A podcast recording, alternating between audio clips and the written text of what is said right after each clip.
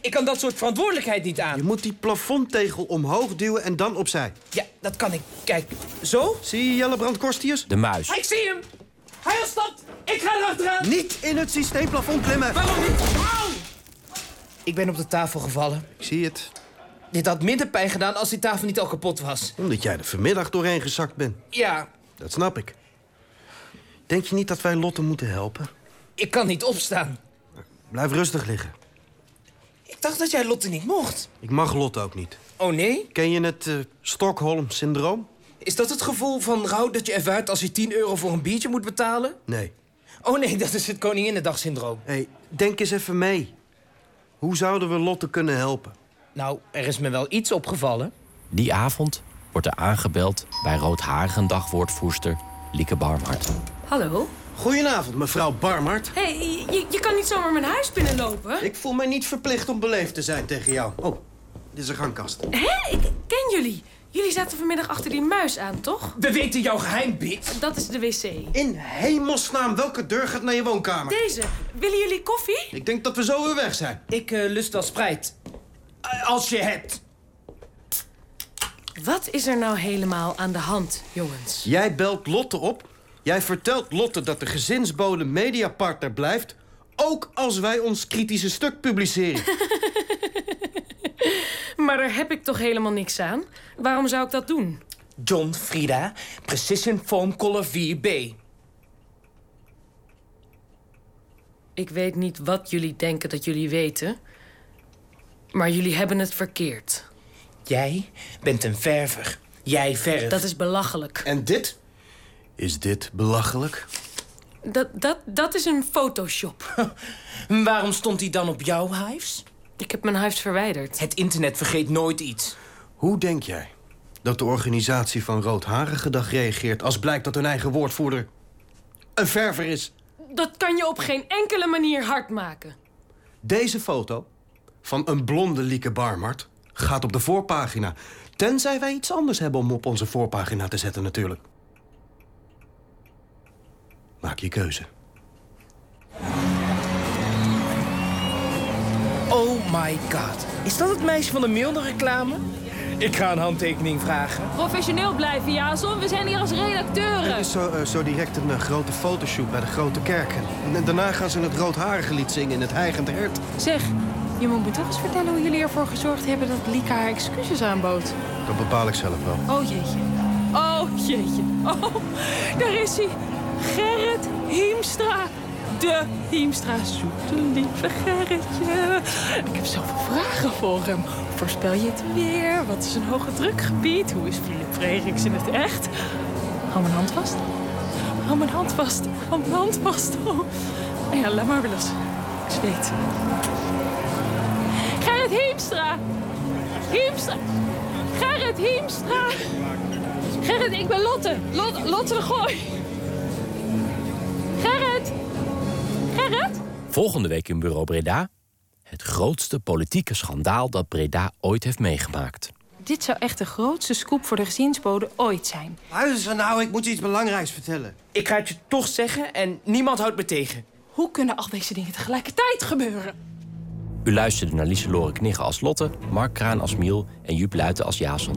De rol van Lieke werd vertolkt door Merel Severs. Bureau Breda werd geschreven door Daan Windhorst. De regie was in handen van Ivo van Aert. Bureau Breda is een productie van VPRO Dorst. Ik was Jelleband Korstjes. Tot volgende week. In Breda. Gerrit Hiemstra. Hiemstra. Gerrit Hiemstra.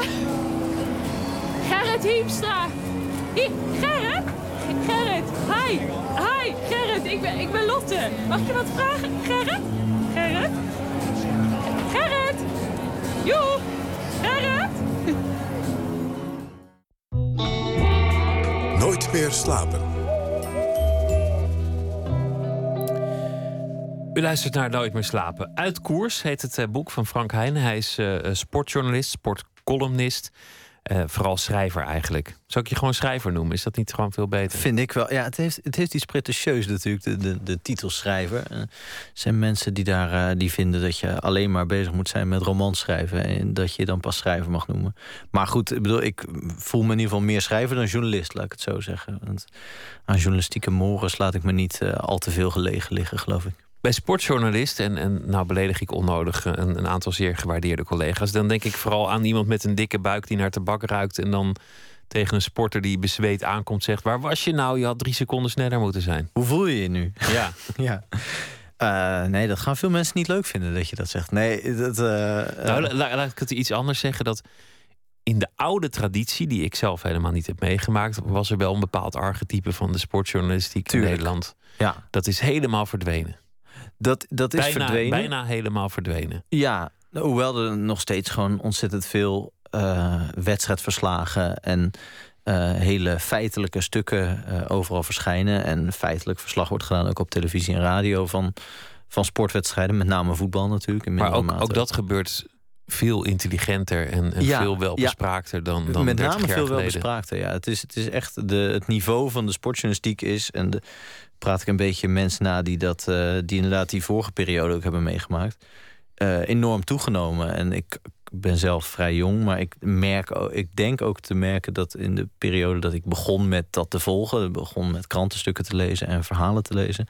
dat uh, in de tussentijd ook al wat veranderd is. In de, de, laat ik zeggen, 15 jaar 18 jaar dat ik dat nu een beetje bijhoud. Dus ja, en dat, uh, er zijn, je kan allerlei oorzaken proberen te vinden waarom dat, uh, waarom dat zo uh, gebeurd is. Het is een feit, of in ieder geval dat, dat het in Amerika al, al heel lang heel intelligent en door hele goede schrijvers over sport geschreven wordt. Dat die al veel eerder hebben ingezien wat een mer sport eigenlijk is voor schrijvers. Wat je daar allemaal mee kunt doen en mee mag doen eigenlijk. Maar ook met valkuilen, want een van de risico's, als je bijvoorbeeld over wielrennen schrijft, ja. is, is dat je natuurlijk valt in, in, in, in het ravijn der clichés. Ja, een soort edelkitsch. Uh, ja, een soort inderdaad clichés. En, en ook dat je, dat je dingen uh, schrijft en, en bepaalde woorden gebruikt en bepaalde verhalen hervertelt die, je al, die mensen al kennen. En dat, ik vind dat altijd een beetje lastig, omdat ik schrijf ook veel, uh, veel columns en ook veel columns op internet, voor HP de Tijd onder andere. Um, en daar, daar kan je dus heel letterlijk zien hoe goed je column, of tot op de klik zien hoe goed je column gelezen wordt. Je merkt gewoon dat, dat columns over dingen die mensen kennen, en, en bijvoorbeeld met clichés die mensen kennen, als je dat op de hak neemt of je, of je gebruikt het op een, beetje slimme, grappige manier. Dat die ontzettend goed gelezen wordt. Dus als je mensen, uh, Herkenning als het ware, mensen geeft wat ze al weten en dat op een net andere manier uh, aanzet, dan is dat uh, heel succesvol. En, heel, en dan is, dat is natuurlijk ook bevredigend, want dan krijg je veel leuke reacties op en dan wordt het goed gelezen. Maar het is uiteindelijk dan karaoke-journalistiek. Precies. Nou ja, goed, ja, journalistiek, in dit geval zijn dat dan vaak, vaak columns. Maar, en dat geldt ook inderdaad voor verhalen en dat geldt misschien ook wel voor sommige tv-verslagen dat op het moment dat je, dat je dingen gaat herhalen, eh, dat mensen misschien zonder dat ze er zelf erg in hebben, denken ja, oh ja, dat, eh, dat herken ik. Ja, dat klopt, omdat je, dat heb je vorig jaar of twee jaar geleden ook al een keer gehoord. Je noemt een, een voorbeeld in de inleiding van zo'n verhaal dat iedereen al kent. En laat ik nou net de enige zijn die dat verhaal niet kende ja. en het een ontzettend mooi verhaal nou, vond. de enige. Nou, er zal vast nog wel eentje zijn. Abdelkader Saaf. Ja.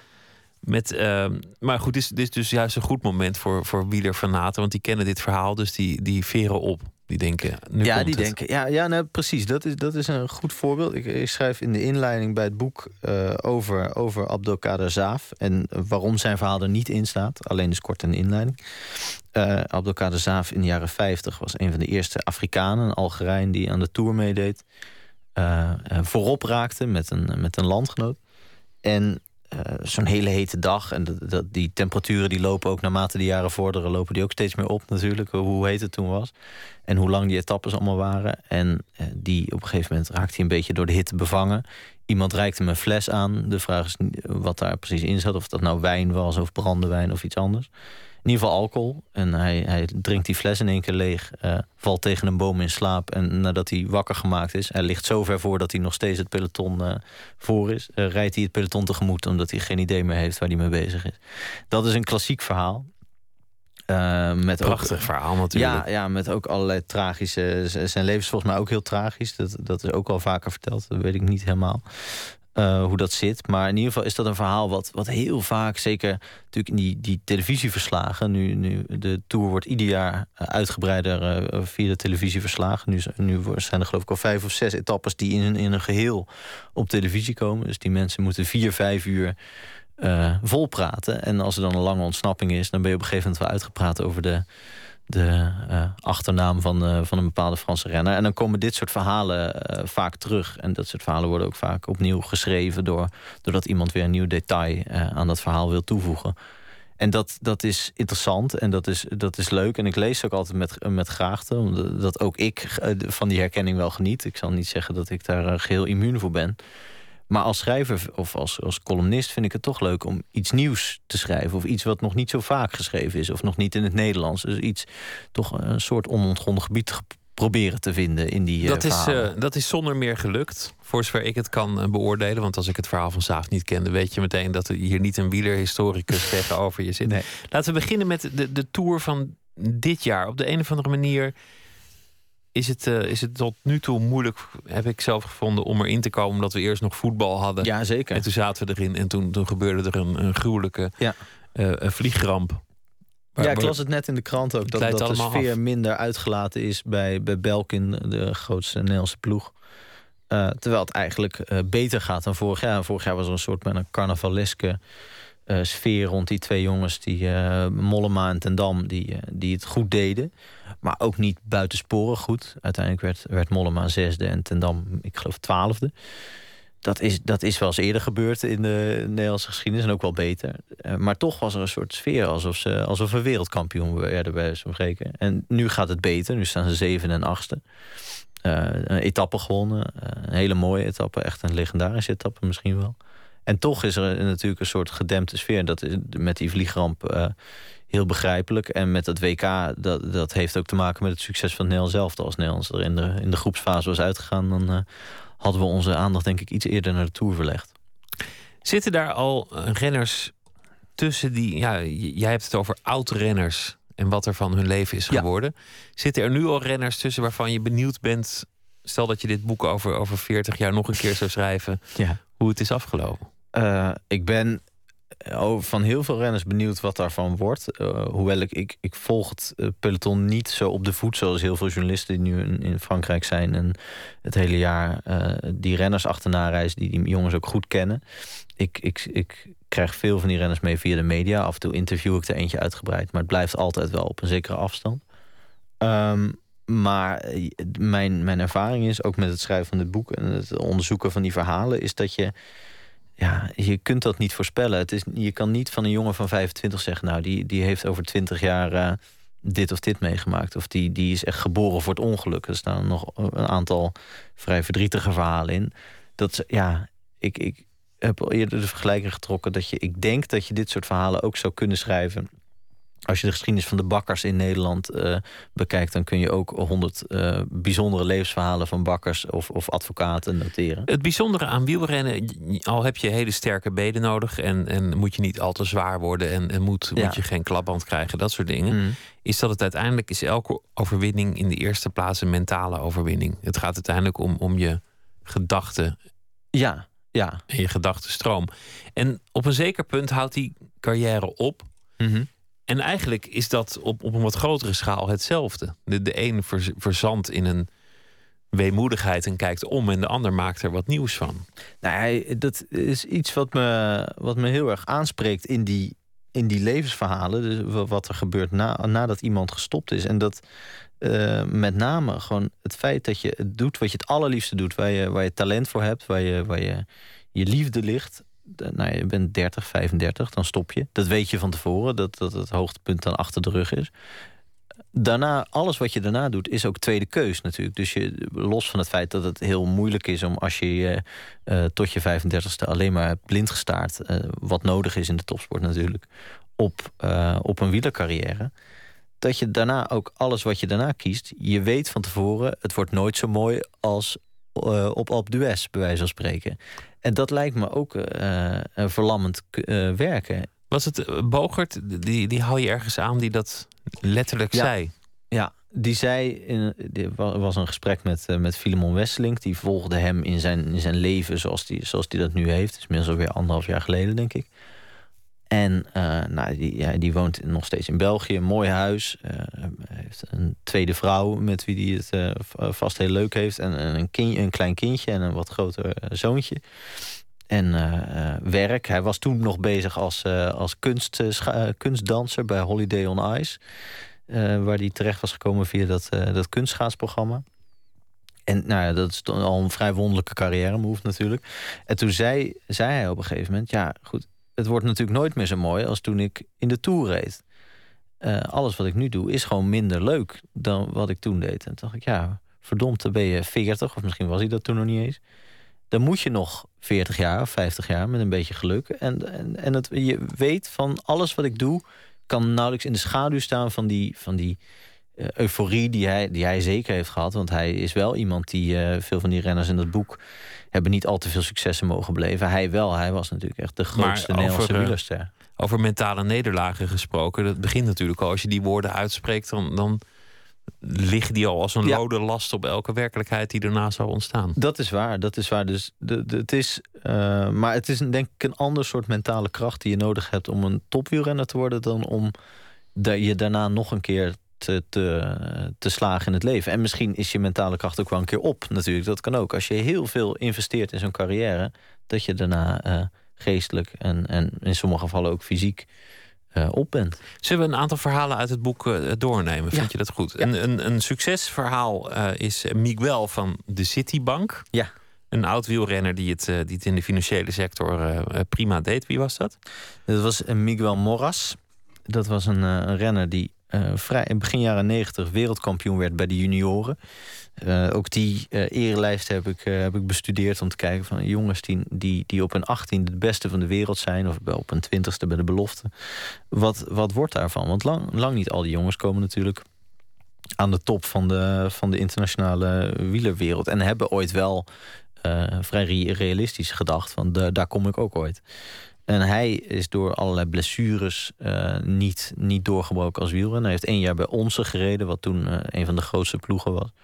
Zeker midden jaren negentig. Uh, ook een, een, verdachte ploeg, maar goed, dat was het destijds. Ja, vrijwel iedere ploeg, weten we nu. Uh, is gestopt met wielrennen door, door allerlei knieproblemen. En, uh, en heeft zich echt op een, een tamelijk ongelofelijke manier heruitgevonden, zou je kunnen zeggen. Is naar Amerika verhuisd, heeft een, uh, een studie economie afgerond. En is een zeer succesvol handelaar in aandelen en opties geworden. Je hebt hem ook gevonden? Ja, hij heeft ook hij heeft een, een homepage waarop hij nog al zijn, zijn wielerprestaties uh, uh, ja, bijhoudt, dus niet meer, maar in ieder geval uh, archiveert. En, en, oude foto's van zichzelf als jongetje. Met een e-mailadres. Hij twittert heel fanatiek, dus je kan hem gewoon, je kan hem gewoon bellen. Ja. En, en dan vindt hij heel leuk om daarover te praten, ondanks dat het toch tot op zekere hoogte een, een minder geslaagde periode in zijn leven is geweest eigenlijk.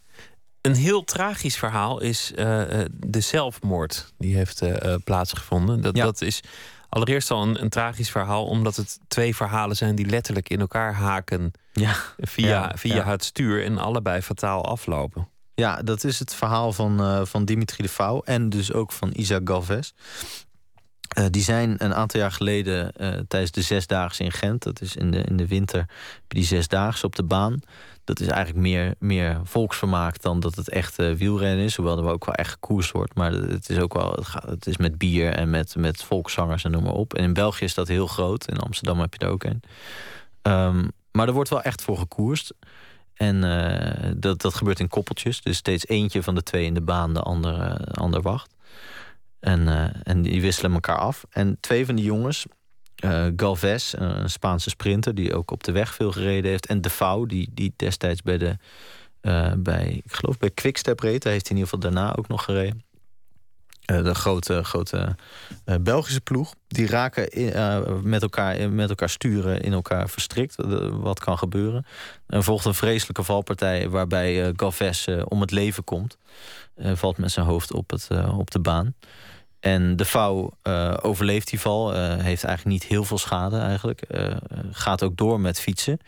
Maar is natuurlijk ja, logisch getraumatiseerd door wat er gebeurd is. En is daar eigenlijk nooit helemaal van, van hersteld. En ruim drie jaar later eh, pleegt, hij, eh, pleegt hij zelfmoord, ook nog op vrij jonge leeftijd. Ehm, daar wa- waren ook allerlei andere incidenten nog eh, daarna. Die je misschien op de een of andere manier ook wel zou kunnen relateren aan wat er destijds gebeurd is. Hij heeft een keer een soort anoniem, half anoniem, want iedereen begreep op een gegeven moment dat hij het was. Interview gegeven waarin hij allerlei mensen van, eh, van dopinggebruik beschuldigde, grote Belgische renners.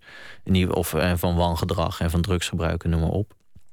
En dat, eh, dat is hem natuurlijk ook niet in dank afgenomen. Het is een kleine wereld, dat wielrennen. Als je dat soort dingen, die vuile was, of het nou waar is of niet, als je dat buiten hangt, daar, daar zitten mensen niet op te wachten. Dus dan, dan wordt het lastig om een ploeg te vinden. Als je al een ploeg vindt, eh, word je waarschijnlijk tegengewerkt in het peloton. Dus de kans dat je nog eh, tot grote successen komt, is, is vrij klein. En dat is bij hem allemaal gebeurd. Extreem verdrietig aan zijn einde gekomen. Wilfried de Jong heeft er niet zo lang geleden nog een mooie documentaire over gemaakt. Je schrijft eh, veel columns, korte stukken. Ja. Eh, eh, ook bij de, de, de Tour Radio, Radio Tour de France, worden weer verhalen van jou voorgelezen. Dat was vorig jaar al en dit jaar ook. Bij de avondetappe. Is de, avond, de Ja. avondetappe, ja. Ehm, de verhalen worden hier en daar wat langer. En dat vind ik eigenlijk heel interessant. Er is het Mhm. verhaal van de Zwitserse jongen... bij wie eigenlijk nooit iets van de grond is Ja. gekomen. Die, die, Jean Nutli. Jean Nutli, je, je- je, je bent naar hem op zoek gegaan. Ehm, een, een heel wonderlijk verhaal dat, dat eigenlijk iets te lang is om nu helemaal te vertellen. Maar Mhm. wat ik mooi vond aan dat verhaal is dat het... Ik dacht, als je, als je het nog iets verder had uitgebouwd... had je een heel boek over die man kunnen maken, misschien. Ja, nou ja, hij, hij is nog in leven. Eh, dus wie weet wat hij nog, eh, wat hij nog meemaakt. En ik, ik heb nog eh, niet zo heel lang geleden contact gehad met, de, met hem. Contact krijgen is, is vrij ingewikkeld. Hij wil het ook echt niet. Maar hij heeft wel een. eh, er is een documentaire over hem gemaakt. Ik heb nog wel eens contact gehad met eh, de vrouw die, eh, die die documentaire heeft gemaakt. Die hem gevolgd heeft voor de, voor de Zwitserse televisie. Komt er in het kort op neer dat het een jongen is die een aantal dingen heel goed kon. En één ding kon hij heel goed en dat was Tijdrijden. diëten. Ja, en zi- zieten. Ja, ja, Zichzelf hij- uithongeren zich- ja. en zo licht worden dat je razendsnel in een uur, eh, of ja, in een uur Ja. zoveel mogelijk afstand aflegt. Ja, het is vooral iemand die nogal monomaan is. En dat is natuurlijk voor, voor topsporters over het algemeen een goede eigenschap. En hij ging daar wel vrij ver in. Eh zo dat hij zichzelf eh, ziek diëte eigenlijk. En, en ook ziek trainde. Eh, dat, daar, eh, hij, hij maakte ongelooflijke uren en ongelooflijke trainingen. Met name op een home trainer op zijn, eh, op de, op zijn jongenskamer van het ouderlijk huis. Hij wo- is tot een hele hoge leeftijd eh, bij zijn ouders blijven wonen. Dat obsessieve van de wielrenner is eigenlijk een handicap in het leven. Dacht ik bij een aantal van die Ja. verhalen. Ja, Talent ja, voor wielrennen betekent bijna automatisch dat je een gebrekkig talent hebt voor het leven. Ja, misschien hoe beter je bent als wielrenner, hoe moeilijker het is in bepaalde sociale conventies. Dat zou kunnen, ja. Want het is een, als je een hele sociale jongen bent, dan wordt het vrij lastig om in het peloton je, je te redden, denk ik. Dan ga je ben- op de fiets en zeg je, hey, hoe is het met jou? Ja, ja en, je, en dan ben je misschien ook wel eens te aardig. Of dan, dan zal je misschien iemand een keer eh, voor laten gaan als die er langs wil. Ja, dat is, niet de dat is niet het idee van topsport natuurlijk. Maar wel het idee in, het, in, het dagelijkse, in de dagelijkse omgang. Ik heb zelf nooit gefietst en zeker niet op niveau. Dus ik eh, zou dat niet kunnen zijn hoe dat er in een, in een peloton aan toe gaat. Maar ja, eh, ik weet daar denk ik voldoende van om te stellen dat dat wel zo is, ja. Schrijven kun je een heel leven. Dat is het, eh, dat is het goede nieuws. Ja, ja dat is, dat, daar heb ik mazzel mee. Dat hetgene wat ik het liefste doe, dat je daar in, in principe to- je, tot je dood neervalt mee door kunt gaan. En daar ook beter in kunt worden. Dus dat je altijd kunt denken, misschien is het volgende stukje beter dan het vorige. En ik, dat eh, is, ik voorzie eh, langere stukken, boeken. Dat, eh, als dat zou kunnen, heel graag. ik denk dat, dat, eh, dat het gaat gebeuren als ik dit zo lees. Misschien wel een roman. Ja, dat, daar, kijk, als je schrijft, en zeker eh, met, met enige pretentie, zoals, zoals ik dat doe, een beetje eh, li- literair van toon misschien soms, als het lukt, eh, dan is de roman toch de heilige graal. Het is alleen een volkomen andere dynamiek en een andere vorm, en het vereist andere kunde om dat te doen. Dus de vraag is of ik die beheers. Ik ga het zeker een keer proberen. Dank dat je wilde komen. Ik noem nog even de Geen titel dank. van het boek. Uit koers van Frank Heijnen. Vol eh, verhalen vanaf de 19e eeuw tot het heden over eh, wielrenners en hun leven na de sport. Yes. En ik wens je ook een hele fijne Tour de France natuurlijk, want eh, we zijn er nog helemaal niet. Tijdrit morgen. Ja. Morgen een tijdrit. Zometeen gaan we verder met een verhaal van uh, Wanda Rijssel en uh, filmadvies van Tim de Gier. En we gaan het ook hebben over een toneelstuk gemaakt door een Nederlandse Jood en een Nederlandse Arabier. Waarin ze zich op het podium uh, verzoenen en ook niet verzoenen. Twitter, VPRO-NMS en de mail nooit meer slapen, vpro.nl.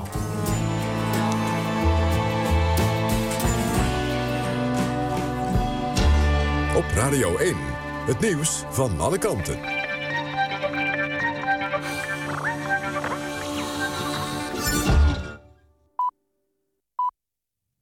Het is 1 uur, Patrick Holtkamp met het NOS-journaal. 40 marechaussees en een groep forensische onderzoekers zijn onderweg naar Oekraïne. Ze vliegen met het toestel van Defensie van Eindhoven naar Kharkov. De marechaussees worden niet ingezet in hun rol als militaire agenten maar moeten helpen bij het onderzoek naar de ramp en het zoeken naar slachtoffers. De militaire vakbonden vinden dat de marechaussees te veel risico lopen. Vanwege de veiligheid is op het laatste moment besloten dat het vertrek van de militaire agenten en de forensische onderzoekers niet gefilmd mochten worden. Defensie wil op die manier voorkomen dat de mensen herkend kunnen worden door de separatisten en daardoor in de problemen kunnen komen. Israël en Hamas lijken het eens te zijn over een 12 uur durende gevechtspauze die vanochtend ingaat. Een hoge Israëlische functionaris heeft tegen de Israëlische krant Haaretz gezegd dat premier Netanyahu akkoord is met de gevechtspauze. De Israëlische premier zou aan de Amerikaanse minister Kerry en VN-secretaris-generaal Ban Ki-moon hebben laten weten dat vanaf 7 uur de aanvallen tijdelijk worden gestaakt. Het Britse persbureau Reuters meldt dat een woordvoerder van Hamas heeft gezegd dat alle Palestijnse groeperingen akkoord gaan met een pauze in de vijandelijkheden. Het ministerie van Buitenlandse Zaken heeft een half miljoen euro aan het Rode Kruis gedoneerd voor hulp aan de Gazastrook. Dat heeft de hulporganisatie bekendgemaakt. Het geld wordt gebruikt om medicijnen en medische uitrusting te kopen, beschadigde ambulances te repareren en brandstof, hygiënepakketten en huishoudelijke artikelen aan te schaffen. Het weer. Veel bewolking en vooral in het noorden en noordwesten wat regen. Overdag zonnig, maar ook nog kans op buien. En het wordt 22 tot 25 graden. Dit was het NOS Journaal. Radio 1. VPRO. Nooit meer slapen.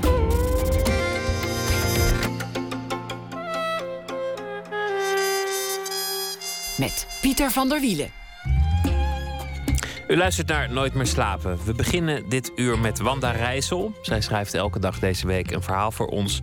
Ze heeft het uh, nieuws zorgvuldig gevolgd en vervolgens zich elke dag laten inspireren met uh, een fictief verhaal. Ze schreef uh, meerdere boeken en toneelstukken. Haar laatste boek is niet zo lang geleden verschenen, Nacht over Westwoud. En Plattegrond van een jeugd was ook een recent boek. Wanda Rijssel, goeienacht. Goeienacht, Pieter. Wat is het vandaag geworden? Nou, um, ik merkte dat ik wat uh, moeite had met het afsluiten. En uh, kon vandaag steeds de juiste woorden niet vinden. Maar op de valreep is het dan toch nog uh, net gelukt. En vannacht vertolk ik de rol van de weeksluiter in mijn laatste stukje. En dat is getiteld De Weeksluiter. En het, was, het was ook nogal een week, hè? Het, uh, uh, ja, het was nog wel een week. En nou ja, goed, ik, ik heb hier elke nacht een verhaaltje verteld. En dat was ontzettend leuk om te doen, hoor. en ehm, die, daar raak je een beetje aan verslaafd. Dus ik, ik had er moeite mee om het, om het af te sluiten. En daar gaat het, gaat het verhaaltje ook over. De weeksluiter. De weeksluiter. 25 juli 2014. Vandaag was het 72 jaar geleden dat de ouders van de weeksluiter in 1942 in het huwelijk traden in bezet Amsterdam en met een jodenster op. Daarna is er veel gebeurd. Naarmate de weeksluiter ouder werd, verwonderde zij zich dat ze al zo'n lange tijd geleefd had, terwijl haar kleuterschooldagen haar nog op het netvlies stonden. Daarna is er nog veel meer gebeurd. De vergankelijkheid dringt zich met het nieuws dagelijks aan de weeksluiter op. Het besef van de broosheid van het leven. Dat, maakt, dat besef maakt de weeksluiter zwak. En, gek genoeg, daarna weer sterk. Haar leven lang woeden er oorlogen in het Midden-Oosten, in Azië, in Afrika. Er was maar één keer per dag nieuws op het ene net van de televisie. Daarna is er heel veel meer gebeurd. Dat ene knopje op de televisie, de radio of de computer... is inmiddels allang een kraan geworden met een brandslang eraan... die niet meer zo goed af te sluiten valt. En waaruit de vreedheid van deze wereld dagelijks, uur na uur... soms minuut tot minuut, onafgebroken de kamer van de weeksluiter binnenstroomt. Marshall McLuhan voorzag het in 1959 allemaal al. The medium is the message. Let maar op, zei hij. De technologie zal steeds meer een verlenging van onze zintuigen worden... en het individu en de maatschappij diepgaand beïnvloeden. Hierna is nog ontzaglijk veel gebeurd. Ja, technologie komt ons vaak ten goede, denkt ook de weeksluiter. Maar veranderen technologie en media geleidelijk aan niet ook onze gedachten en onze emoties? Is dat niet angstaanjagend? Of is het juist prikkelend en uitdagend? Robotzeehonden schijnen echt troost te kunnen bieden aan oude mensen. Is dat waar? vraagt de weeksluiter. En sluit de week bijna af. Hier, roep ik door de kier. Het staat vanavond in de krant. En ik slinger hem op het nippertje naar binnen. Daarna valt deze week in het slot. Hoe was het voor jou om, om je een week gedwongen in het nieuws te moeten verdiepen? Want, want het is niet altijd een zegen voor je gemoedsrust. Of voor, nou ja, zeker als je moet schrijven, dan moet je ook gewoon produceren. Dan, dan helpt het ook niet altijd. Dat is een beetje in het, uh, dat, uh, is een beetje in het gedrang gekomen. Uh, ja, het raar is dat ehm, eigenlijk je, je, als je bezig bent uh, roman te schrijven, dat, uh, dat je echt een beetje afsluit voor de, voor de werkelijkheid. Uh, die moet niet al te dichtbij komen. S zet ik dan ook niet de radio aan. Ik kijk nog wel even eventjes de krant in, maar dat is dan net genoeg om een beetje even wakker te worden en, hè, en op gang te komen. Maar dan eigenlijk uh, gedurende de dag uh, bemoei ik me daar niet meer. En pas s'avonds laat, uh, dan, dan, dan kijk ik naar het, naar het nieuws. Zo, zo gaat het meestal.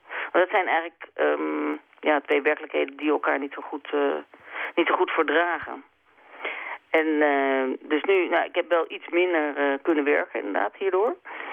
Maar dit was ook heel erg leuk om, om te doen. Het, is, uh, het was een, absoluut een, een boeiende week. Het was natuurlijk een vergruwelijke week deze week. Ehm, met veel, veel meer commotie natuurlijk dan normaal in, op, in juli. En ehm, nou ja, dus dat, het was, was bijna te veel. Dus ik heb toch wel geprobeerd om een paar keer het komkommernieuws er doorheen te gooien... om ook er zelf niet helemaal naar van te worden. Want, ehm, maar goed, het, het, moet niet, het zou niet mijn vak zijn om dat elke dag te moeten verslaan. wat, ik deze week, wat ik deze week bijzonder vond, en, en ook, eigenlijk ook wel een beetje raar... is dat Meestal staat het nieuws los van je eigen gemoedstoestand. Dus je ziet op het journaal bij uitstek allemaal gruwelijke dingen. Maar dan kan je nog in je eigen leven heel gelukkig zijn. En dat is helemaal geen schande. Nu was het natuurlijk wel heel dicht bij huis. Omdat je op de, op de Nederlandse wegen waar je zelf ook rijdt. tientallen auto's uh, uh, ziet. Heel veel mensen kenden wel iemand. Of via via iemand. Ik kende ja. zelf ook een aantal mensen die daar in dat vliegtuig zaten. Dus dit is een slecht voorbeeld. kwam heel dichtbij. Maar wat er gebeurde was dat het voor sommigen ongepast werd om allerlei vrolijke handelingen te doen. Ik, ik typte voor de grap op, op dat, uh, dat Twitter waar mensen elkaar de hele dag vervelen. Daar typte ik uh, het woord respectloos in. Nou, dat is grappig. Dat Ja. iemand in de zon zit, dat werd dan al respectloos Ja. gevonden. Ja, ik, eh, ik heb dat ook een beetje gevolgd. Eh, Sylvia Witteman had daar ook een eh, hele grappige column over. maar ehm, ja, inderdaad, het werd heel raar. Alsof je dus gedwongen werd ja, van bovenaf te rouwen op een of andere manier. Ehm, dat komt inderdaad niet zo heel vaak voor. Nee, maar omdat meestal nieuws wel heel naar is, maar dat het niet meteen hoeft te betekenen dat je je hele gemoedstoestand erdoor laat beïnvloeden. nee, maar Dat gebeurt natuurlijk wel een beetje. Iedereen om je heen eh, het er wel eh, over heeft, eh, is het heel moeilijk om je daaraan, daaraan te onttrekken. Ja, dit was natuurlijk ook wel heel heftig wat hier Ja. gebeurde. En die beelden die. nou, ik denk dat, dat die nog lang in het collectieve geheugen zullen blijven hangen. Zeker. Maar ja, ehm, eh, Gaza, Israël is ook een, is ook een, een groot probleem natuurlijk. En ehm, dat, dat grijpt mij toch ook wel, ook wel aan. Ik hoor net eh, op het nieuws dat het, eh, dat er een of ander bestand is. Maar ehm, ja, dat, eh, dat maakt, maakt je allemaal niet vrolijk, inderdaad. Nee, maar wees geëngageerd, volg het nieuws, maar laat niet je hele leven vergallen omdat je elke dag somber moet zijn omdat er weer iets sombers op het nieuws was. Want dan heb je dat ook geen niet. leuk leven. Nee, dat kan niet. Dat is onmogelijk. Dus we, we trekken het ons aan, maar we, gaan ook, we doen ook een heleboel leuke dingen en gaan gewoon verder. Juist. Wanda Rijssel, dank je wel voor eh, al je mooie verhalen en eh, inspiratie deze week. En een uh, goede nacht. Oké, graag gedaan. Goeienacht. We gaan luisteren naar een liedje van Johnny Cash dat hij heeft overgenomen van de industrial rockband Nine Inch Nails. Maakte deel uit van zijn American Recordings. Het nummer heet Hurt.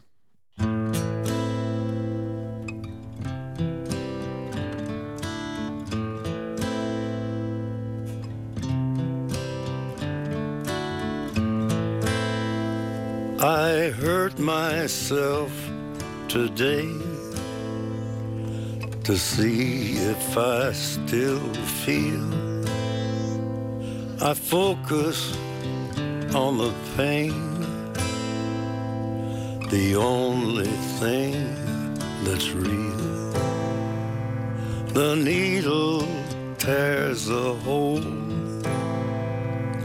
the old familiar sting. Try to kill it all away, but I remember everything. What have I become? My sweetest friend. Everyone I know goes away in the end. And you could have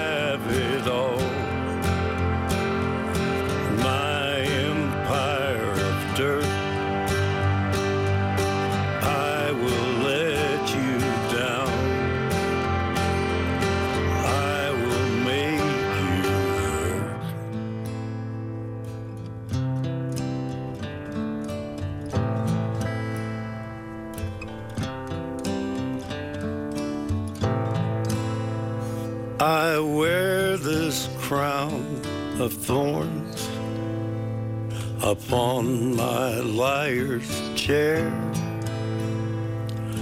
full of broken thoughts I cannot repair. Beneath the stains of time, the feelings disappear. You are someone else. I am still right here. What have I become? My sweetest friend. Everyone I know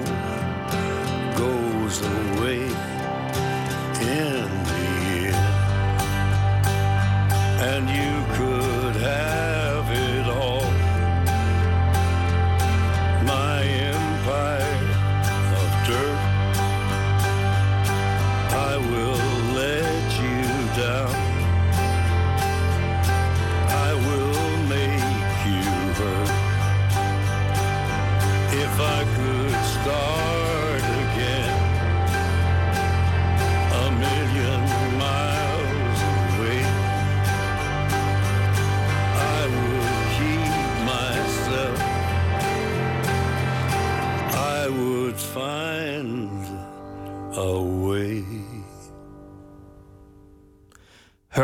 uitgevoerd door Johnny Cash. En vrij kort na deze opname overleed zijn uh, grote liefde, zijn vrouw June.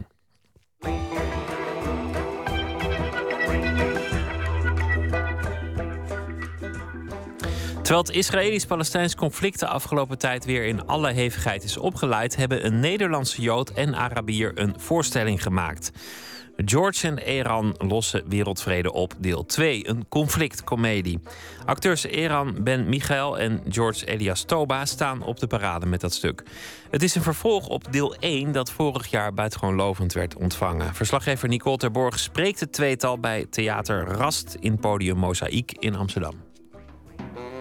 Eran is geboren in Nederland, in Nijmegen. Zijn hele familie woont in Israël. En hij heeft twee jaar lang moeten wachten op een pasje van Café El Sombrero. Schande, vinden wij dat. George is geboren in Syrië, Aleppo. En heeft 13 jaar in Nederland op zijn verblijfsvergunning moeten wachten. Schande, vinden wij dat.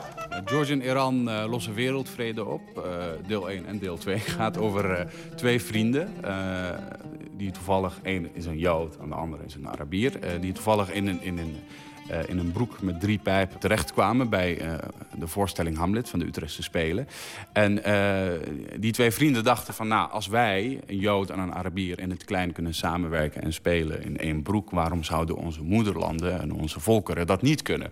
Dus uh, nemen zij uh, alle zorgen van hun volkeren op hun schouders... en proberen ze veel optimisme uh, het conflict proberen ze op te lossen. Gaandeweg, hoe meer zij proberen de, de oplossing te vinden voor het Midden-Oosten conflict... hoe meer zij zelf in het conflict verkeren.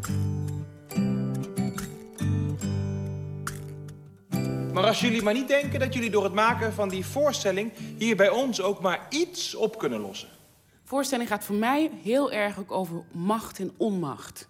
Ja, inderdaad. Ja, het is inderdaad uh, macht en onmacht van wat je kan doen, wat je zou willen doen.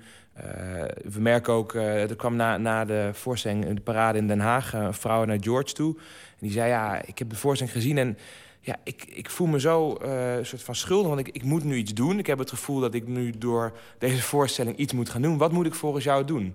Nou, toen zei hij... Ja, uh... het, was heel bizar. Wat, wat wil je dat ik doe? Wat wil je dat ik doe? ik zei, mevrouw, ik weet niet, wat wilt u doen? Ze zei, nee, maar jij maakt deze voorstelling... Dus, dus je verplicht mij om iets te gaan doen. Ik zei, ik verplicht je helemaal niks. Ik heb mijn werk gedaan, ik heb een voorstelling erover gemaakt... en nu moet u dat doen. Hij heeft zich ontfermd over mij als een soort guardian angel. En hij zei ook tegen mij... George, weet jij dat je je eten kan declareren. En ik wist dat niet! En ik wist dat niet! Ja. Echt niet, dames Elke dag in elk uh, nieuwsbericht uh, of elke krant of uh, journaaluitzending... is er wel een onderwerp de laatste jaren over Syrië, over Israël, over het Midden-Oosten. Dus in die zin is het een onderwerp wat, wat, wat heel actueel is en wat tot de verbeelding spreekt. Maar het is ook een onderwerp wat ergens abstract is. Dus we hadden wel een idee en we hebben onszelf ook wel echt de opdracht gegeven... Uh, en uh, Julio Toxos als regisseur heeft dat ook uh, heel goed gedaan om persoonlijk te blijven. Dus we hebben altijd wel gedacht, het is wel een onderwerp tot de verbeelding spreekt, maar we mogen het nooit algemeen houden. Of nooit dat we, dat we niet onszelf erin meenemen. Dus door dat te doen hadden we wel de indruk dat het iets is wat, wat mensen zou kunnen raken... of wat iets kan teweegbrengen bij mensen. We zijn hier vandaag omdat George mij een half jaar geleden heeft gebeld. Hij was in paniek, ik hoorde het gelijk aan zijn stem. En hij zegt tegen mij... Eran, ik heb zojuist met mijn zus gesproken en zij vertelt mij dat het dorpje waar ze nu woont, in Syrië, uh, Wadi Nassara, dat is een dorpje dicht bij Homs, wordt omsingeld en dagelijks beschoten. Dus zij heeft mijn hulp nodig. Deel 1 is begonnen vorig jaar op de parade. Enorm succes, goede recensies, naar Den Bosch geweest, verder gegaan, nu is het deel 2. Wat is het verschil? Nou, heel veel. Het is gewoon uh, het is een andere voorstelling. Het invalshoek van, van, uh, van de voorstelling is heel anders. Kijk, in, deel 1 hebben we heel erg uh, gefocust op twee vrienden... die samen hun familiegeschiedenis proberen te onderzoeken. En hoe meer zij daarmee bezig zijn... hoe meer zij zelf verzanden in het conflict... en recht, lijnrecht tegenover elkaar staan. En in deel 2 gaat het meer over twee vrienden... die de, de oplossing willen vinden voor de wereldvrede... of voor de wereldproblemen. Ja, deel 1 dat eindigt met eigenlijk ja, geen oplossing. De pijn is er nog en ongemak is er nog, vooral aan het eind. Allebei met uh, de broek aan en jullie delen dus één uh, broekspijp. En zo eindigt het. Een beetje onbevredigend. Het is uh, inderdaad zo dat we eindigen. We hebben één broek met drie pijpen waar we, waar we in het begin instappen en, en zo eindigen we ook. En uh, sommige mensen die, die ervaren het zoals jij nu uh, benoemde. Dus uh, ergens onbevredigend, want, want, er is nog steeds geen oplossing. En ze zijn nog steeds in een soort conflict eh, geëindigd. Maar het wordt eigenlijk ook heel vaak eh, gezien als eh, toch een soort zaadje voor een nieuw begin. Want dat namelijk ook op het einde eh, die tent uit kunnen lopen of niet meer die broek ingaan. Dus eigenlijk wordt het ook vaak gelezen als een heel hoopgevend einde. Deel 2 die, die gaat eigenlijk verder waar deel 1 geëindigd is. Eh, echt ook een jaar later. En eh, daarin zeggen we eigenlijk, nou, eh, we zijn weer bij elkaar gekomen... na de vreselijke dingen die we tegen elkaar hebben gezegd... eh, hebben we besloten om sorry te zeggen. Dat is ook het begin voor de oplossing van, van vrede. Dat je ergens in een conflict ook sorry zegt... en erkent dat je misschien dingen hebt gedaan die niet had moeten doen. En vanuit zo'n schone lei weer begint. Dus op je vraag of deel 2 eh, bevredigend is, ik denk het wel. Ik, ik, ik merk dat veel mensen een soort van hoopvol ook de zaal of de tent uitgaan. Dat de dingen waarmee we komen tot een verbeelding spreken. En dat ze denken, ja, inderdaad, als je het op die manier zou doen... dan, dan zou je echt de mogelijkheid hebben om in ieder geval weer... die twee bevolkingsgroepen bij elkaar te brengen. Het gaat niet, niet alleen over die bevolkingsgroep, maar ook gewoon eh, ja, twee mensen of twee landen die, die ruzie of conflicten met elkaar hebben. Dus de dingen die we aandragen zijn in die zin denk ik wel en hoopgevend en ook wel bevredigend.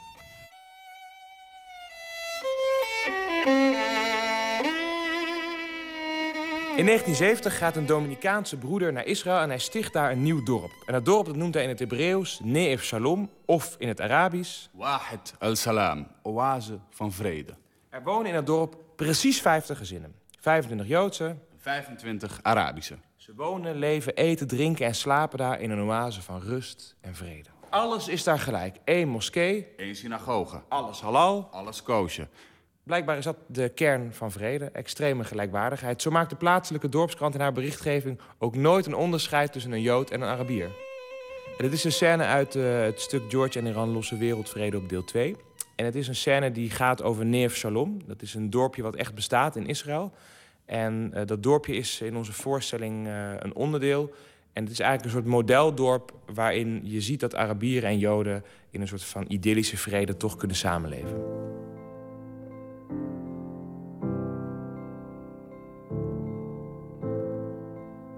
Wij waren heel erg bang uh, dat de tweede voorstelling uh, uh, niet goed in de smaak zou vallen, omdat, omdat de eerste voorstelling een, een groot succes was. In je eerste voorstelling dan, dan, dan leg je je ziel op tafel en dan, dan heb je alles wat zeg maar, in je zit, dat, dat laat je zien. En het risico is dat je je kruid verschoten dat het op is. Je ziet heel vaak mensen die persoonlijke voorstellingen maken, ook, ook met cabaret, dat de eerste is een hit, want dat was echt hun eigen verhaal. En de tweede voorstelling, die valt dan gewoon tegen. Want hun eigen verhaal is ineens op. Dan moeten ze iets nieuws gaan verzinnen. En dan duurt het weer een tijdje voordat zij een vorm vinden. Dus dat was ook voor ons een zorg. Maar um, nu we die voorstelling echt aan het spelen zijn op de parades... en, en we gaan hem ook... Um, komend seizoen spelen we deel 1 en seizoen daarna spelen we deel 2 in theaters...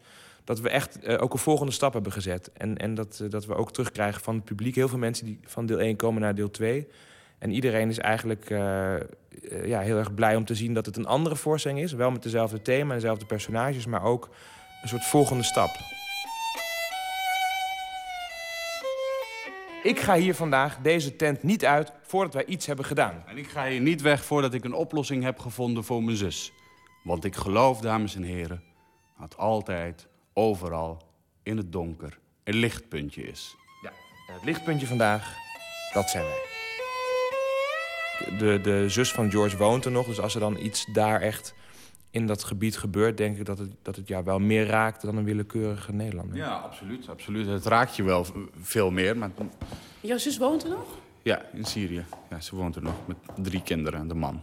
Uh, een tijdje terug was, was echt oorlog. Het werd echt oorlog gevoerd. Uh, ze vertelde ook soms dat er raketten over haar hoofd heen vliegen. En ik vind het best wel bizar, want, want op het moment dat je dat, dat hoort dan denk je, oh, wat heftig. Dan zitten ze in een soort angst. Maar zij, ja, het is ook een deel van hun realiteit. Dan denken ze, oh ja, nee, het is normaal. De maar geen deel van jouw realiteit. Dus hoe ga jij daarmee om? Ja, ik vind het veel heftiger dan zij. Uh, dat is misschien het gek, omdat mijn fantasie gaat helemaal op, op, op hol. En, en, en ik ben alleen maar... Um, ik vind het veel heftiger omdat, omdat ik zo, zo uh, op zo'n afstand leef en niks kan doen. En ik, ben, ik voel me echt machteloos. En, en uh, je wil heel graag iets veranderen en iets doen, maar dan denk je van hoe en wat. En uh, ik ben geen politici, dus in hoever uh, is jouw stem heeft effect op, op het conflict daar. Dus ja, ja. dan mag, ga je je mogelijkheden, ga je toch iets proberen, zoals een voorstelling maken bijvoorbeeld. Of uh, ja, dat. Ja, want onze tweede voorstelling gaat eigenlijk ook heel erg over wat, wat George op het einde zegt. Van, ik, ik wil wel wat doen, maar, maar wat moet ik doen en hoe moet ik het doen? Dus eh, daarin laten we ook eigenlijk twee kanten zien van George... Die, die meer echt een doener is en op een gegeven moment ook zegt... ja, ik, eh, als ik een verschil wil maken, dan, dan moet ik daar naartoe. Dat is de enige plek waar ik dat kan. En, en ik zeg juist in die voorstelling meer... daar is zoveel oorlog en, en onrust gaande. Je kan daar niks doen. Jouw stem gaat daar verloren. En hier heb je de mogelijkheid om vanuit het Westen... eh, iets te doen en iets in gang te zetten... wat als een soort van domino-effect daar terechtkomt... en daar echt iets gaat veranderen. Dus de, de, de vraag in deze voorstelling gaat ook heel erg... ben je bereid om, om bijvoorbeeld te sterven voor een doel wat je hebt? Of wat ben je er bereid voor op te geven? We hebben ook het- conflict helemaal uitgepluist. En we hebben eh, geschiedenisboeken gelezen en artikelen. En, eh, We zijn er helemaal ingedoken in het conflict. Weet je het nu? Waar je staat, wat je vindt? Kijk, we hebben altijd eh, ook vanaf het begin af aan gezegd dat wij theatermakers zijn. We zijn geen politici, we zijn geen activisten. We hebben ook niet de pretentie dat wij eh, eh, kunnen duiden... dit en dit is er aan de hand, dit is de absolute waarheid en dit moet er gebeuren. Maar wat we doen is, we, we geven het conflict in onze voorstellingen een persoonlijk gezicht. En eigenlijk zijn onze, de vorm van onze voorstellingen zijn heel open, heel humoristisch, heel muzikaal ook. Dus het is helemaal niet een lezing. Het is niet, eh, de onderstroom is, is ergens wel serieus. Maar de vorm eh, en, de, en, en de manier waarop we spelen is heel episch en open en, en, en komisch ook. Eh, en daardoor dat, dat ook de, de zwaardere dingen meer tot hun recht komen. Dus in die zin laten we het conflict zien, geven het een persoonlijk gezicht. We laten de twee kanten zien. Als je vraagt, weet je het? Nou, wat ik in ieder geval te weten ben gekomen... is dat het ene leed niet zwaarder weegt dan het ander. De een heeft niet meer gelijk dan het ander. Je kan dat niet tegen elkaar wegstrepen of, of, of laten wegen. Ik heb op straat geleefd in jouw vier na rijkste land ter wereld. Het komt jou echt goed uit, hè? Dat jouw familieleden de concentratiekampen niet hebben overleefd. Dan kan meneer het niet echt moeilijk krijgen met al die verschrikkelijke verhalen. Jullie hebben het stuk deel 1 dan ook gespeeld. Bijvoorbeeld op een bijeenkomst eh, van eh, verschillende Joden hier uit Nederland. Hoe was dat voor jou, George? Als eh, Arabier, als Syriër? Nou ja, eh, het was voor mij niet zozeer eng omdat ik een Arabier ben of omdat ik uit Syrië kom. Het was voornamelijk omdat ik best wel heftige dingen zeg in de voorstelling. eh, vooral over, de, over, over Joden in het algemeen en over de Holocaust. En ik schop een beetje overal eh, een beetje tegenaan. En, en, en, en dat is best wel heftig als je, als je een, een, een zaal vol Joodse mensen hebt voor je. Dus ik weet ook dat ik de hele voorstelling gewoon met, met mijn hart in mijn keel hoorde bonzen. En ik dacht van, oh jee, zo meteen komt dat stuk aan. Hoe ga ik dat doen? Hoe ga ik dat doen? Dus ik ben best wel blij dat ze wel een beetje enigszins zeg, open hebben ontvangen. En, en zijn geen mensen boos weggelopen. Ik ben wel blij dat mensen niet met hun schoenen op, op mij hebben gegooid. En, eh, ja, dus eh, het was wel heel heftig. Ik vond het heel spannend. Ja.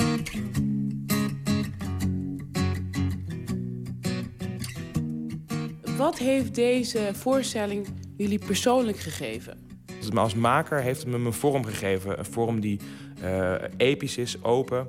eh, vanuit humor een, een serieus eh, onderwerp aanpakt. Dus ik heb eigenlijk altijd een, eh, heb ik voorstellingen willen maken die met engagement, waar engagement en entertainment samengaan. En als ik nu zo terugkijk, dan, dan zie ik allemaal pogingen van mezelf van jaren geleden, die, die wel op dat pad waren. Maar deze voorstelling heeft me in ieder geval echt eh, dat pad en die richting gegeven. Dus dat, dat vind ik wel echt een groot cadeau. Ik ik had altijd, ook op de toneelschool, dacht ik dat theater een beetje zinloos is. Het, heeft, het is puur entertainment en, en je speelt een voorstelling. Mensen kopen een kaartje en dan gaan ze naar huis, vergeten ze dat. Het is een beetje eh, een zinloos vak. Eh, eh, alleen wij maken het heel heilig, de acteurs en de regisseurs. En, en, en met deze voorstelling, en zie de reacties en, en, en wat, wat het teweeg brengt bij het publiek... dan ben ik steeds meer gaan geloven dat wel, theater wel degelijk iets kan veranderen... en iets teweeg kan brengen.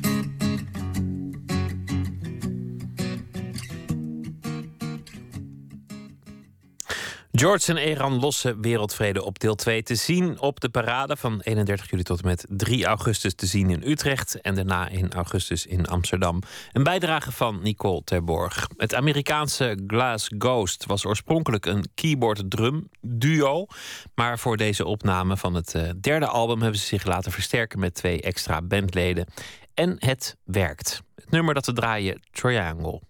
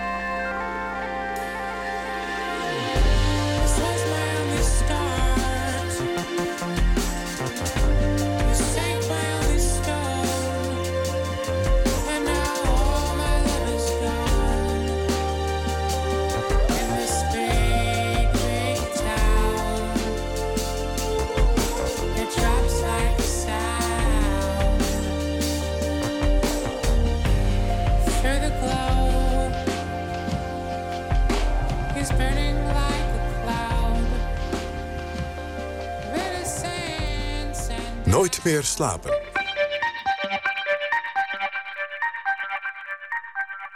Elke vrijdag bellen we voor cultureel advies met een van VPRO's smaakmakers. Vannacht filmjournalist Rick de Gier, werkzaam bij cinema.nl en voor de VPRO-gids. Goedenacht, eh, Rick. Hoi. Ja, welke films te kijken in uh, de zomer? Zijn, zitten er mooie films tussen? Is dat eigenlijk wel een seizoen om hele mooie, bijzondere films uit te brengen? Zeker wel. Ik moet wel zeggen, het is uh, relatief misschien wel een beetje komkommertijd.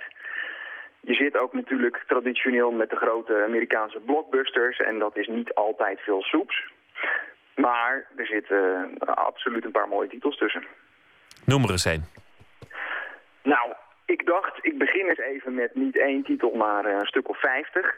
Uh, en die zijn allemaal van Alfred Hitchcock. Dus uh, dat, is, uh, zijn geen moderne films. Maar in AI is er een mooi Hitchcock-retrospectief op het moment, de Hitchcock Touch. Ehm, ja, eigenlijk laten ze gewoon bijna het hele oeuvre van, van de Master of Suspense zien. En dat is toch wel leuk om, om die uh, klassiekers een keer op het, uh, op het grote scherm te zien. Zijn bijna uh, allemaal de moeite waard, toch? Niet dat ik ze allemaal heb gezien, maar wat ik heb gezien ik was, heb was goed. Ja, ik heb ze ook lang niet allemaal gezien. Blijkt maar weer als je eventjes... ik ging eens even kijken wat er dan allemaal draait. Nou, er zijn bijvoorbeeld negen gerestaureerde stomme films uit de jaren 20 en 30. Nou, die heb ik echt niet gezien. En heel veel mensen niet, denk ik. Uh, dat is natuurlijk ook wel voor de liefhebber. Maar toch is het heel leuk dat je dan nu de kans hebt om dat te zien. Maar er zijn natuurlijk ook, uh, ja, dat is het, de, de Psycho's en de Vertigo's en zo. Die, die draaien ook. En hoe heet die North by Northwest? North by Northwest zelfs ook, ja. Die is zelfs ook net op tv geweest. Want de VPRO die, die doet ook mee. En die zendt vier klassiekers uit deze zomer. En uh, dat begon uh, vanavond met North by Northwest. Um, Fenomenale film. Voor...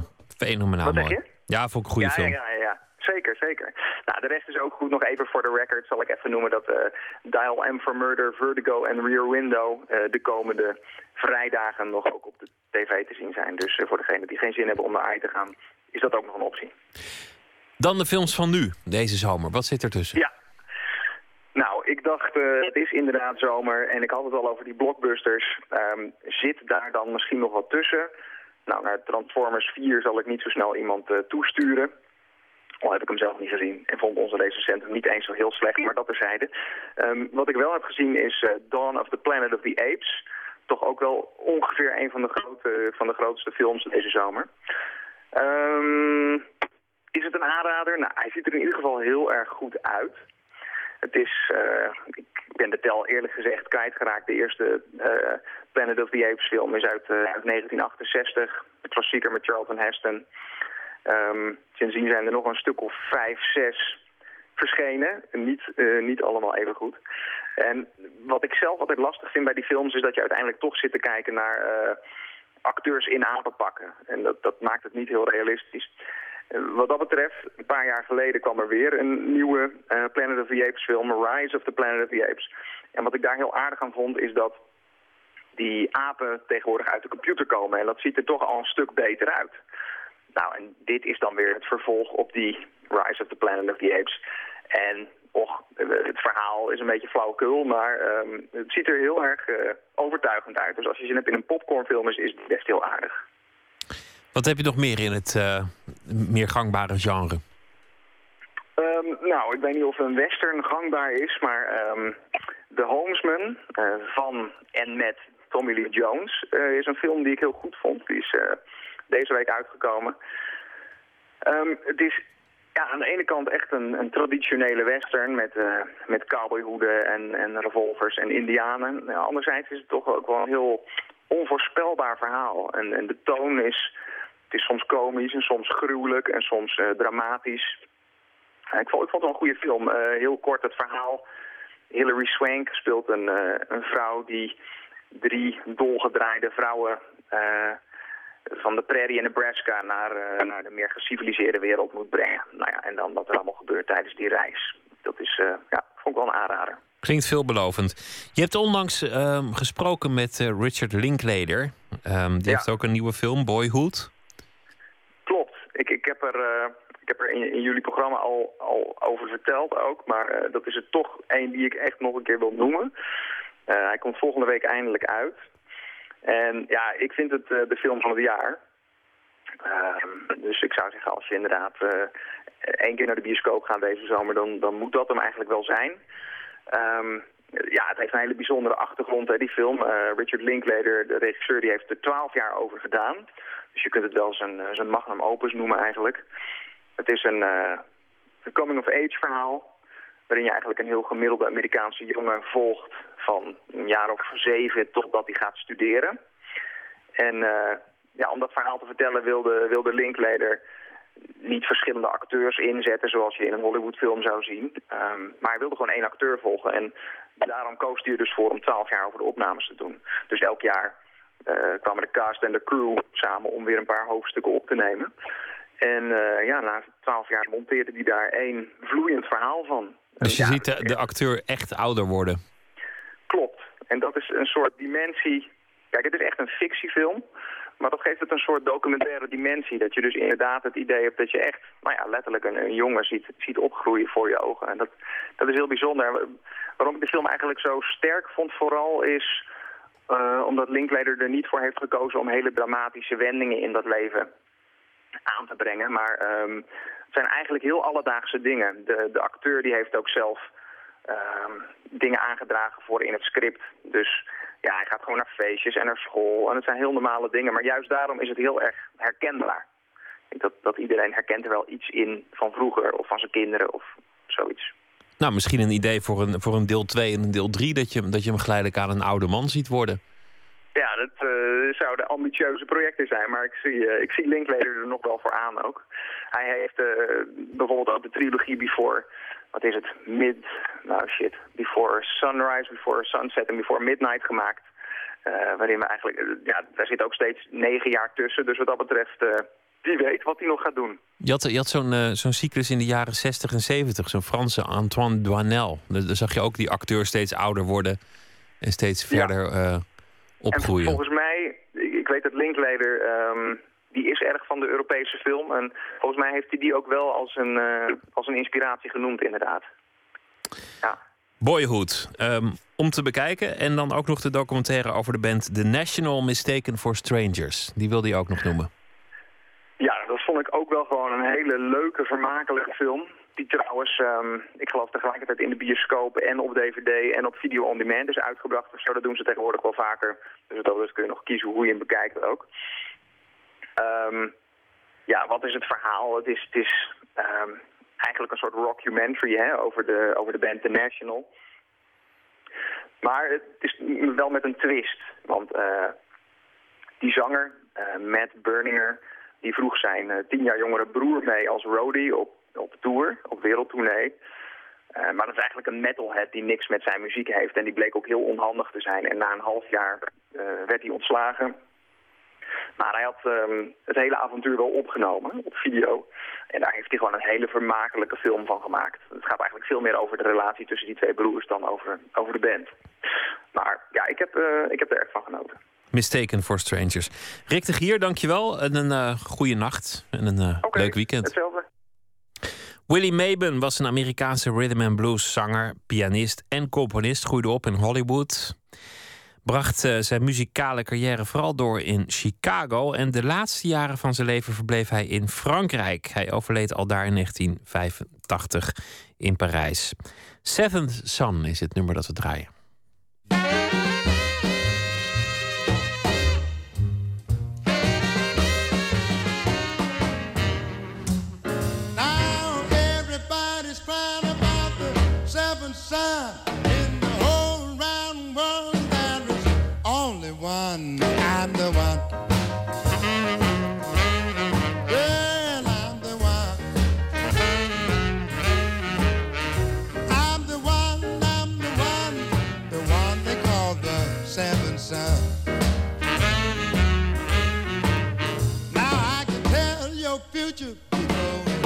To pass.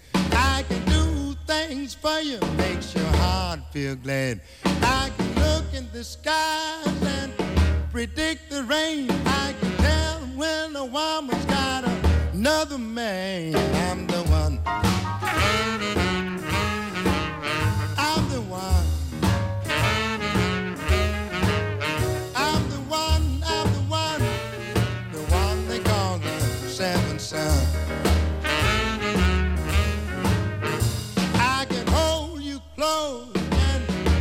you tight. I can make you cry for me both day and night. I can heal the sick and raise the dead.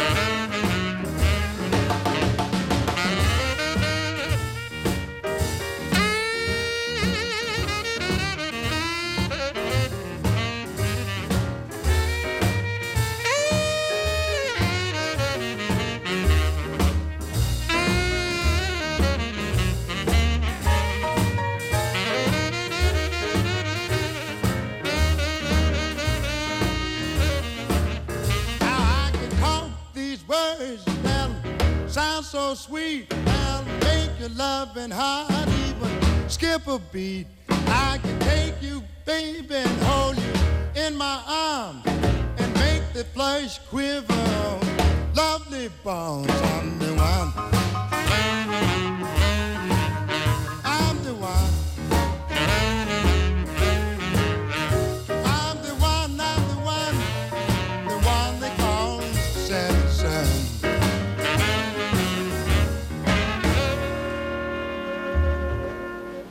Uit 1955, Willie Maben met Seventh Son.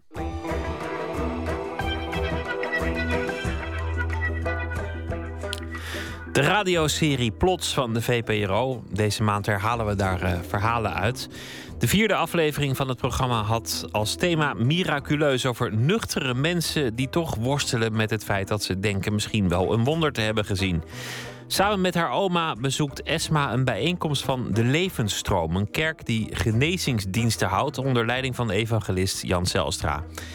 Die dienst zal haar leven voorgoed veranderen, maar niet in de richting waarin ze dat had gewenst. Luister naar de agenda van de Heer, een verhaal opgetekend door Stef Visjager. Het is 2008, zondagavond, 7 uur. Drommen mensen voor de deur. De dienst is nog niet begonnen. Ik klampte iemand aan bij binnenkomst van eh, wat is ongeveer het programma.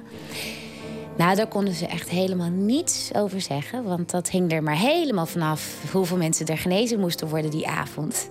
Dat kan soms zelfs tot twee, drie uur s'nachts doorgaan. Dat, eh, dat is de agenda van de Heer eigenlijk. Dus daar kun je niets over zeggen. Dus toen dacht ik al, eh, toen was ik, begon ik wel eigenlijk al echt meteen zo gereinigd worden. Van jeetje, dit, begon als een soort van leuk gebaar van mij. En nu zit ik hier straks de zes uur vast eh, op een eh, vervelende eh, kruk. Esma is terechtgekomen in een genezingsdienst van de gemeente Levensstroom. Haar oma zag die diensten wekelijks op de lokale televisiezender. En ze heeft Esma tot gekwordens toe verteld over de man die die diensten leidt. De evangelist Jan Zijlstra. Wat een charismatische man en eh, wat goed dat hij dat doet. En wat, wat een wonder dat die mensen daar genezen in die, in die kerk. En, eh, ja, en ze wilde daar eh, eigenlijk heel graag ook zelf een keer naartoe. Voor, voor alle dingen waar zij fysiek mee zat, alle kwalen die zij had. Ehm, toen hebben we op een gegeven moment gewoon besloten: oké, eh, ik en mijn nichtje in dit geval, wij gaan gewoon een keertje met oma daar naartoe. Dan zijn wij misschien van het gezeur af. En eh, eh, het is misschien nog gezellig ook, zo'n avond. En als je ja, met een beetje antropologische blik daar naartoe gaat, dan heb je misschien nog een hele interessante avond ook. Dus zo zijn we toen naar Leidschendam getogen. God wil je iets geven, jonge dame. Ja, ja, ja. God wil je geven, een aanraking, de kracht van God. Hij houdt van je, hij wil een weg voor je banen. Duidelijk zegt de Heer, hij wil een weg voor je banen. In Jezus' naam. Veel bloemstukken, kan ik me nog herinneren. En een beetje TL-achtig licht. En eh, nou, het was heel druk. Eh, ja, sommige mensen waren met krukken en eh, veel rollators natuurlijk ook. En rolstoelen. en maar ook heel veel gezinnen met kinderen. En dan dat, ja, die, met dus zieke kinderen. Dus dat is ook wel, eh, dat is ook wel indrukwekkend. En dan op een gegeven moment dan komt, dus, dan komt dus Jan Zijlstra op. Genees in de naam van Jezus. Ja, dat is een man van, eh, ik denk dat hij 67 is of zo. Zoiets. Een oudere meneer, lang, in, in een slecht zittend pak. In Jezus' naam. In Jezus' naam. Vrij laat op de avond eh, was mijn oma aan de beurt. 80, misschien is het allemaal slijtage. Je bent te jong om oud te zijn. Ja. Heb ik vanavond iemand horen zeggen. Ja, maar ik zit op het ogenblik in een depressie, al een hele tijd lang. Dan ben ik dan... on- Ga je eerst nou eens zeggen, ik ben niet oud. Ik ben, ik ben niet oud. Ja. Oké, en dan heb ik een hele slechte rug, een dikke voet. Luister goed, jonge dame. Je kan nog minstens 20 jaar mee. Nou moet je niet lachen zoals Sarah deed. Al snel wordt duidelijk dat Zijlstra de klachten van oma niet heel serieus neemt. En dus duwt oma haar kleindochter naar voren. kleindochter, ze heeft astma en is te bescheiden. Want Esma heeft astma. Astma. Ja, ik ben een beetje Is dat, je, is dat je oma? Dat is mijn oma, ja. Ja. En jij hebt hem meegebracht? Ja, eh, ja. Of heeft zij jou meegenomen? Nou, ja, lang verhaal. Sorry. En hoe heet je? Esma. Esma. Ik, ik schrok en ik zei, nee, dat eh, hoeft helemaal niet. Ik, eh, ik ben eigenlijk wel gehecht aan mijn astma. Maar dat werd niet gehoord door iemand. Dus eh, toen, voor ik het wist eigenlijk, dat is heel snel gegaan. Ja, was ik dus eh, aan de beurt om op het podium te gaan staan. Halleluja. Hé, hey, kom eens hier, eh, Bart. Leg je hand eens op de longen. Op dat moment voel je je dan ook wel een beetje slecht over mezelf, bezwaard. Omdat ik helemaal niet geloofde in die situatie. Dat is maar in Jezus' naam. Krijg sterke, gezonde longen. Waar al die andere mensen eh, al de hele avond eh, in, in opperste ernst eh, mee bezig waren. En eh, ja, ik was eigenlijk gewoon maar meegekomen met mijn oma. En, en deels ook wel nieuwsgierigheid. Een beetje sensatiezucht ook wel. Van eh, wat gaat er gebeuren? En nu stond ik opeens daar. En die Jan Zelstra heeft ook echt wel... Nou, hij is echt wel, toch wel heel erg charisma en heel erg mensenkennis ook. Dus toen hij mij aankeek, dacht ik echt, ah, nu word ik ontmaskerd. Van hier staat een ongelovige. En dat dan de hele zaal boe zou gaan roepen. En ik, ik, was, ik was best, eh, ja, ik was eigenlijk wel geïntimideerd door de situatie. Of ik dacht, wat heb ik eigenlijk, wat ben ik eigenlijk hier ver in meegegaan? Maar hij zei eh, niets. Hij was eigenlijk best wel vriendelijk. Hij zei van, vertel eens over je astma. En eh, nou, toen vertelde ik dat het allemaal best wel meeviel. En toen zei hij, maar het moet toch niet makkelijk zijn... eh, om af en toe geen adem te, te, te hebben. En toen zei ik, nee, ja, dat het soms ook wel lastig was. Ja, toen heeft hij en, eh, en, en zijn twee handlangers... die hebben dus hun hand op mij gelegd. Halleluja. Astma laat los in Jezus' naam. Ga uit het lichaam vandaan. In de naam van Jezus. Hé. Hey. Zo, zo, zo, zo. Weet je wat? Je hebt het net gezien bij dat meisje, hè? Zoiets? Minstens, want jij hebt grotere longen. Ja, dat is waar. Ik moet nog even op oefenen. Hé, hoe gaat dat? Kom. Goed, hè? Amen. Prijs de Heer. Neem je oma mee. voelde als een soort van hele warme aandacht. Voor iets waar ik eigenlijk al jarenlang zelf heel, eh, heel makkelijk over heb gedaan. Van ja, ik heb astma en ik ben er wel aan gewend. En nu voelde ik opeens zo drie handen die, van mensen. En ik voelde wel dat ze echt wilden dat die astma wegging. En dat vond ik opeens best wel. Ja, het had wel, ik, ik, ja, het had wel iets zachtaardigs.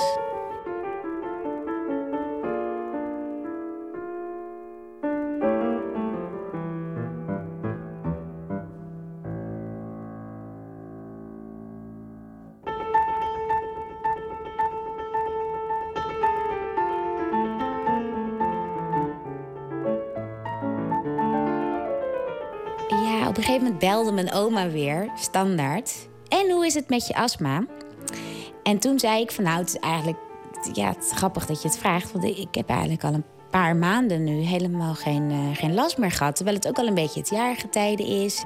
En toen zei mijn oma dus prijs de heer door de telefoon. Wat fantastisch kind, wat geweldig voor je. Wat een geweldig nieuws, wonderen bestaan. En, en ja, toen merkte ik dat ik eigenlijk geen weerwoord had. Toen vond ik dat gewoon best wel irritant eigenlijk. Omdat ik gewoon helemaal... Het was helemaal niet de bedoeling geweest om daar naartoe te gaan... om vervolgens een... eh, eh, ja, een wandelend eh, bewijs te zijn van dat is dat dat nou dat A Jan Zijlstra dus iemand is die heel goed bezig is en B dat er dat er dus een God is. Ja, ik vind het dan een hele vrede God die die mij dus eh, even kijken 31 jaar heeft laten ploeteren en toen ik één keer besloot in een opwelling om naar Leidschendam te gaan, eh, dan in één keer te genezen van mijn eh, van mijn astma.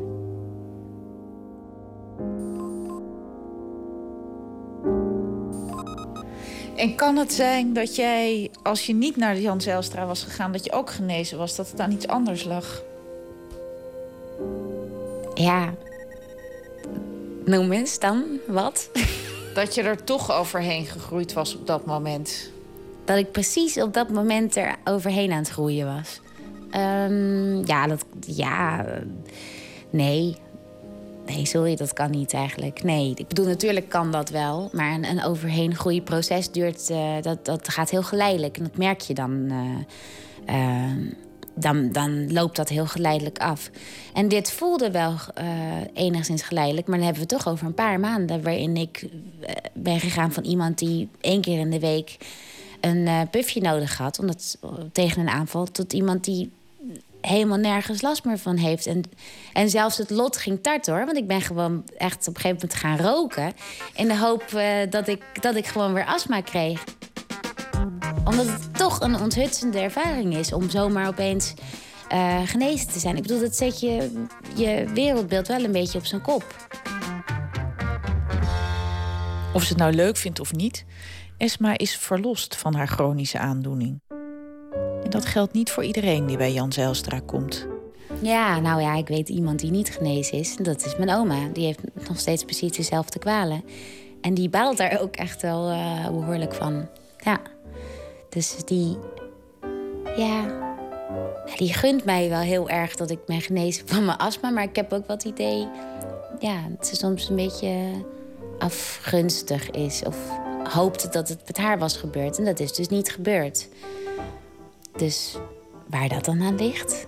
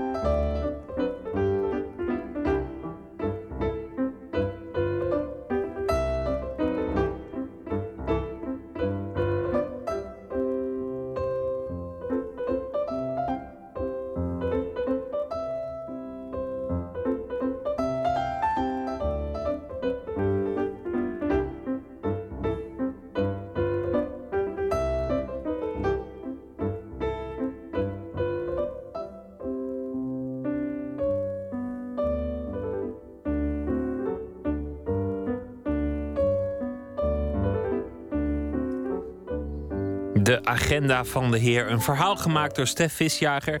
Eerder uitgezonden in het radioprogramma Plots. Onder eindredactie van Jair Stijn en Katinka Beer. Meer eh, verhalen over nuchtere mensen die ineens hun eh, eigen bijgelovigheid ontdekken. vpro.nl slash plots. Jenny Lewis maakte deel uit van de Amerikaanse indie band scene. Met eh, bands als Bright Eyes en Death Cab for Cutie. Tot ze zelf solo ging met een eigen plaat. Rabbit for Code was de titel daarvan. En wij draaien het nummer Rise Up with Fists. What you? Who do you think you're changing?